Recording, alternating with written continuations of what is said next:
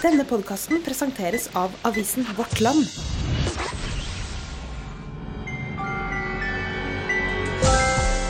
Dette er Søndagsrådet med Bjørn Sørheim Kveseth. Velkommen til en ny episode av Søndagsrådet, hvor eh, et eh, solid panel sitter klare for å besvare spørsmål om barn, ungdom, oppvekst og kristen tro som har kommet inn fra nettsida vår søndagsrådet.no. Gunhild Norgård Hermstad, prest i Den norske kirke, du sitter og gjesper. Er du trøtt i dag? Jeg ble tatt på senga av å være solid. Sånn her. Er det, liksom. Da tenker jeg litt sånn, Da er du godt bygd, for å si det sånn. Hvis du er solid. Ja. Sammen med deg så har du Alf Jøsund fra eh, Vårt Land, kommentator, og Mai Helen Høyer Jorheim, som er psykolog. Et godt panel som skal besvare disse spørsmålene som har kommet inn den siste tida. Det ble jo godt, ikke plutselig fra, fra solid til godt. Jeg, jeg håper dere andre er litt mer uh, oppkvikka enn Gunhild. Ja. Vi er i hvert fall litt mer solide. ja. Det er bra. Skal vi gå i gang med første spørsmål uten noe mer om og men? Det er en person som har spørsmål om leggetid. Det er kanskje mest relevant for deg, Mai Helen, som har små barn. Ja, men to år, da. Så er det kanskje ikke helt. Ok, det er en person som skriver Hva er normal leggetid for en åtteåring? Nå legger vår datter seg 1930 og sover til sju. Hun mener alle andre får være oppe lenger. Vi er også redd for at hun trenger 11,5 times søvn, men om hun legger seg senere, blir det færre timer per natt. De få gangene hun har sovnet 21, står hun likevel opp klokken syv, om ikke før. Er vi for strenge? Når legger dere åtteåringene deres? Hvor gamle barna er dine, Alf? Det er ingen av de som er innafor? Uh, nei, den eldste er 23. Han må legge seg klokken halv elleve. da, da skyter vi litt fra hofta, da. Hva, hva tenker dere er normal leggetid for en åtteåring? Tenker at Det er jo helt ekstremt individuelt, da. Hvor, eh, både hvor mye søvn en åtteåring, eh, eller unger generelt, eh, trenger, og om de er A-mennesker, B-mennesker, altså hvordan de sover. Og jeg tenker at Hvis dette er et barn som ikke eller som uansett våkner ganske tidlig, så må man kanskje bare ta den konsekvensen og legge de tidligere. da. Så jeg tenker at det er vanskelig å liksom si noe, noe, noe ja, konkret om annet enn det. Men, men jeg tenker det, det, som er interessant, det sier at det at alle andre får være oppe lenger. Jeg tenker at det handler det også om legging. Jeg tenker jeg Snakker barn om alle andre om absolutt alle ting? Er det bare å liksom forvente det? At, eh, at man er opptatt av hva alle andre gjør? Ja, for Dette handler jo litt om det der eh, barnas rettferdighetsinstinkt. Mm. Skal man ta hensyn til hva alle andre gjør? Altså, nei Ja, delvis skal man det. Vår stesønn han måtte legge seg klokken åtte da han var åtte år. Og, og, og vi var jo absolutt eh, de strengeste i hele hans uh, klasse. Ifølge men, han, eller ifølge, ifølge foreldrene? Han, ifølge han. Og det stoler vi helt på. Men, men, altså, jeg tenker jo jeg, når psykologen uttaler seg, så skal jo man bøye seg for det. Nei, nei, nei. Men, men, mens, altså, min intuitive reaksjon var jo at eh, halv åtte er forferdelig tidlig. Hvis barnet ikke sovner med en gang.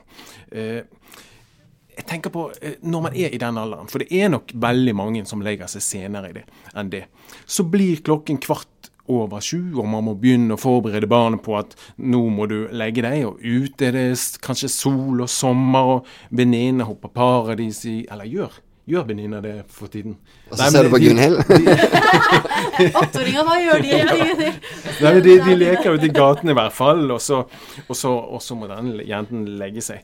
Og fordi barnet ikke er trøtt i det hele tatt, så haler hele legeprosessen ut, og det blir masing, og 'jeg er tørst, jeg er sulten', og, og alt det der. Eh, I stedet så ville jeg gjort en avtale. OK, du får legge deg kvart på ni i stedet, men på én betingelse. Det skal være helt mørkt og stille klokken ni. Og hvis ikke det funker, så må vi gå tilbake til det gamle, strenge regimet. Men det kan jo være da, hvis, denne, hvis du sovner da klokka ni, men likevel våkner halv syv, eh, og hele dagen så bare kjenner foreldrene på at ja, men du har ikke sovet nok. En ting er hvis det er ferie og sånne ting, og tenker de kan håndtere en litt sur åtteåring, men denne åtteåringen skal på skolen, den skal lære ting, skal gjøre lekser, den skal klare å fungere også. Så de må jo, må jo på, et annet, eh, på, en eller annen måte prøve å finne ut av hvor mye søvn trenger denne, denne åtteåringen, da, og sovner hun med en gang halv åtte? For hvis to sovner med en gang halv åtte og sover til syv, så trenger hun kanskje å sove så lenge. Og jeg tenker jo at det, det er noe med hvorfor må jeg legge meg altså, Jo, du våkner klokka sju, du. Eller sånn, og da, da, må det være sånn at du må ha så mange timer. Da, da er det sånn. Altså, jo men, jo, men jeg vil de andre få legge seg mye. Jo, men de sover til åtte, de. Altså, sant? Og da er det annerledes. Altså, så jeg tenker at det er noen ting med å liksom eh, eh, Hvis du skal gjøre det, så kan du ikke Altså, det er fordi at du, du er skrudd sammen sånn, på en måte. Mm. Men dette her var jo veldig, veldig konkret. Nå legger vår datter seg 1930. Altså ikke 1928 eller 1932, men 1930. Det høres ut som foreldrene har et tidspunkt og har bestemt seg for at da skal det skje. Og da er jeg litt mer tilbøyelig til å være enig med May-Helen, som, som sier at det handler om å sjekke hva, hvor mye søvn barn egentlig trenger. Kjære innsender, vi tror at dette med søvn er ganske individuelt. Vi kan ikke si helt sikkert at halv åtte er riktig tidspunkt for eh, deres datter. Vi syns kanskje det er litt tidlig. Kanskje hun skal få lov til å være oppe litt lenger dersom hun har behov for det. Eh, nå ler jeg egentlig bare fordi Gunhild sitter og holder på å sovne. Jeg tror ikke det hadde vært så vanskelig å få lagt henne akkurat nå. Men øh, så tror vi da altså at øh, det ikke nødvendigvis skal sammenligne det med hva alle andre gjør, men prøve også å finne ut hva akkurat deres barn har behov for. Kanskje dere skal teste litt ulike varianter, sånn som Alf sier, at hun muligens kan prøve å legge seg litt seinere, men at det da skal være helt stille når hun, når hun legger seg. Neste spørsmål i dag det handler om kjærestetur. Vi har vært borti flere lignende spørsmål tidligere. Det er tydelig at dette er et eh, tema som en del foreldre er opptatt av.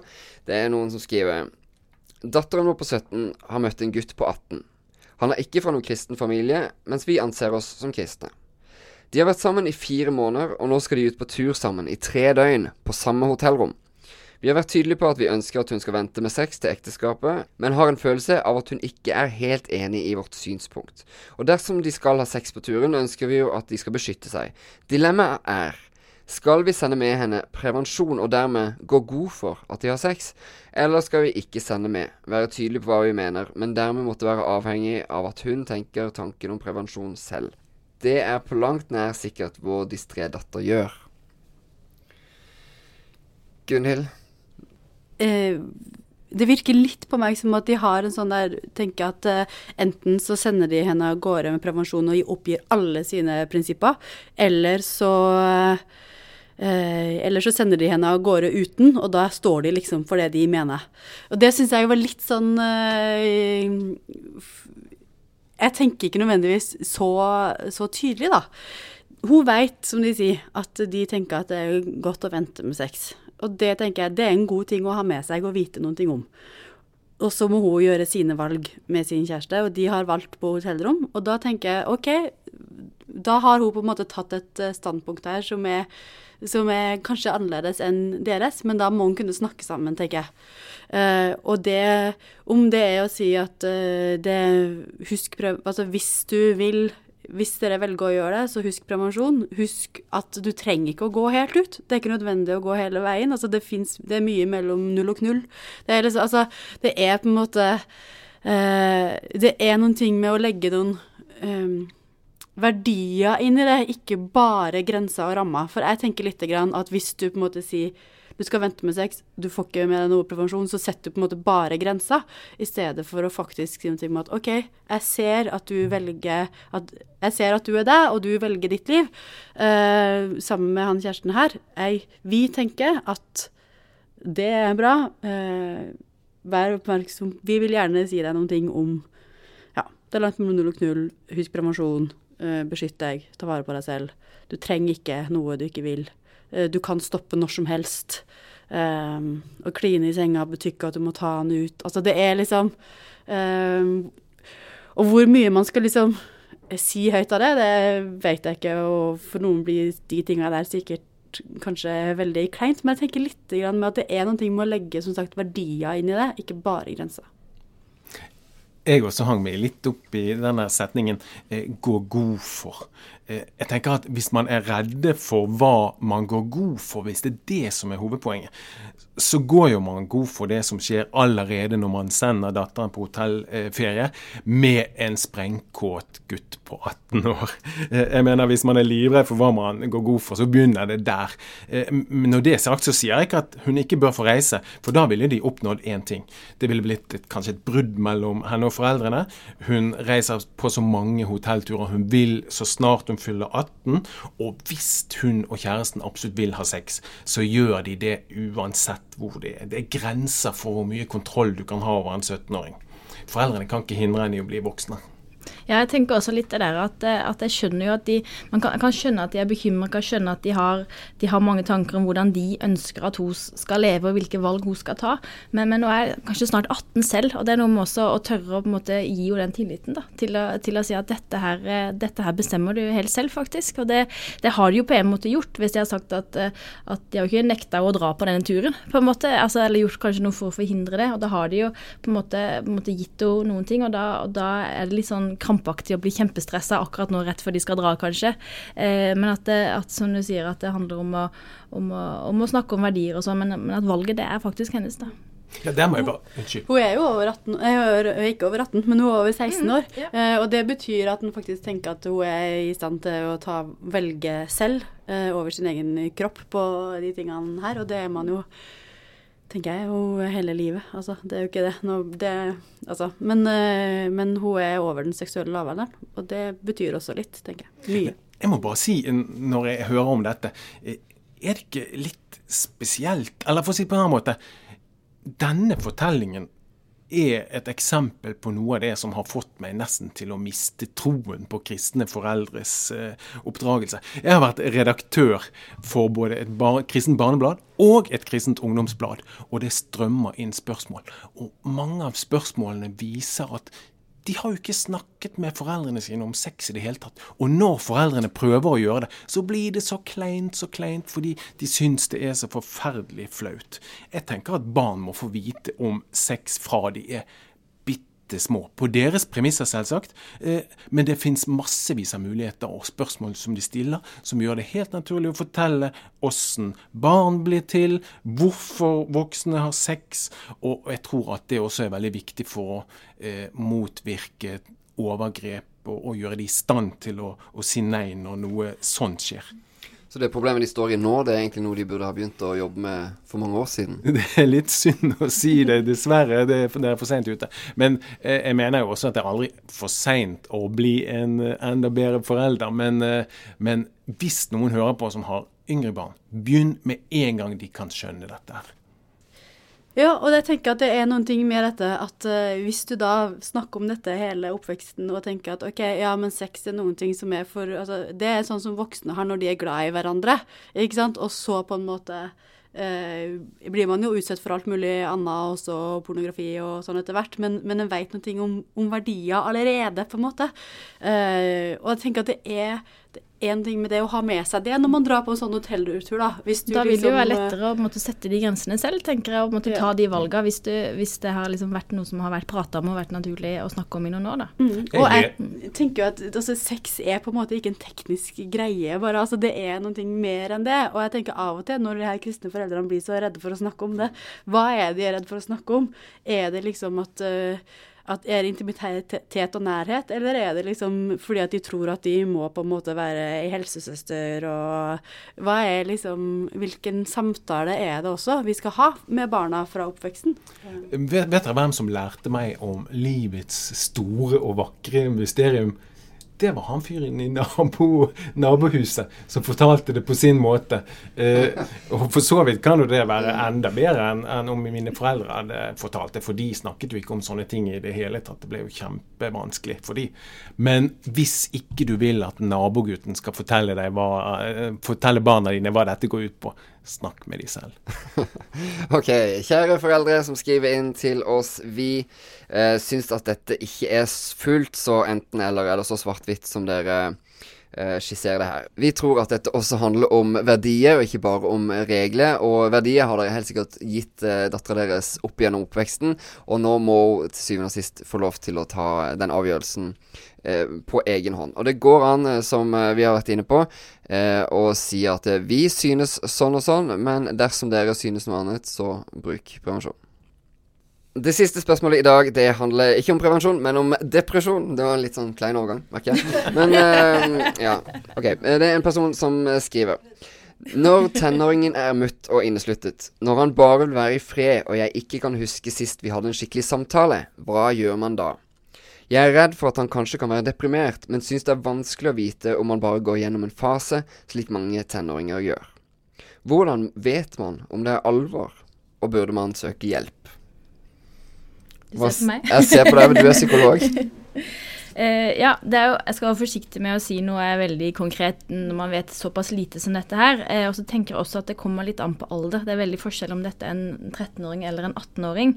Uh, men litt sånn generelt så, så er vi opptatt av at, eh, at hvis vi ser store endringer hos barn og unge, så, så er det grunn til å hvert fall måtte være, om ikke bekymra, så i hvert fall være oppmerksom på å tenke hva, hva er dette her. Eh, og når det er snakk om eh, ja, man lurer er han deprimert, er det en fase, så, så det, kan man se litt på på det vi kaller funksjonsnivå, som på en måte er hva, hva annet enn når han er innenfor husets fire vegger, og også for så vidt innenfor der. Går han på skolen, gjør han leksene sine, har han venner, er han sosial, følger han vanlig døgnrytme, sover og spiser godt. Altså sånn vanlige funksjoner. Og tenker hvis, hvis alt annet liksom, fungerer helt tipp topp, men akkurat bare når han skal snakke med mammaen eller pappaen sin, så blir han kjempesur, så kan det jo være at da er dette kanskje litt med å være tenåring å gjøre. Det er ikke sikkert man skal sykeliggjøre det, men, men hvis dette er litt sånn gjennomgående, så tenker jeg at da ta en telefon til fastlegen. Bare og drøfte det litt. Mm. Ja, for dette er jo litt eh, som vi var inne på forrige uke også, den der eh, litt kaotiske tenåringstida Mm. der mye skjer. Det er ganske vanlig å ha en sånn type fase. Ja, øh, jeg opplever jo en, en del samtaler med ungdommer som kan være veldig bekymra for om de er deprimert. Altså er jeg deprimert, altså De er litt triste eller lei seg eller sånne ting, eller de er ikke så veldig happy-clappy, eller de syns ikke livet alltid er bra, og så blir de, kan de bli veldig sånn bekymra for om de er deprimerte. Og noen er det. Eh, men jeg tenker at det er noe med å holde fast i en sånn uh, normalitet, da, som du sier noe om. Altså hvis de ikke står opp eh, lenge hvis de ikke kommer seg på skolen, hvis de ikke får gjort ting. Hvis de, altså da, det er bekymringsverdig. Eh, og hvis det er veldig store endringer brå, brått eller sånne ting, det er veldig også noen ting, sånn som jeg har skjønt det. Eh, men, men at, eh, at det er, det er lov å være litt deppa, da. Og det å være deppa er ikke det samme som å ha en eller annen stor depresjon.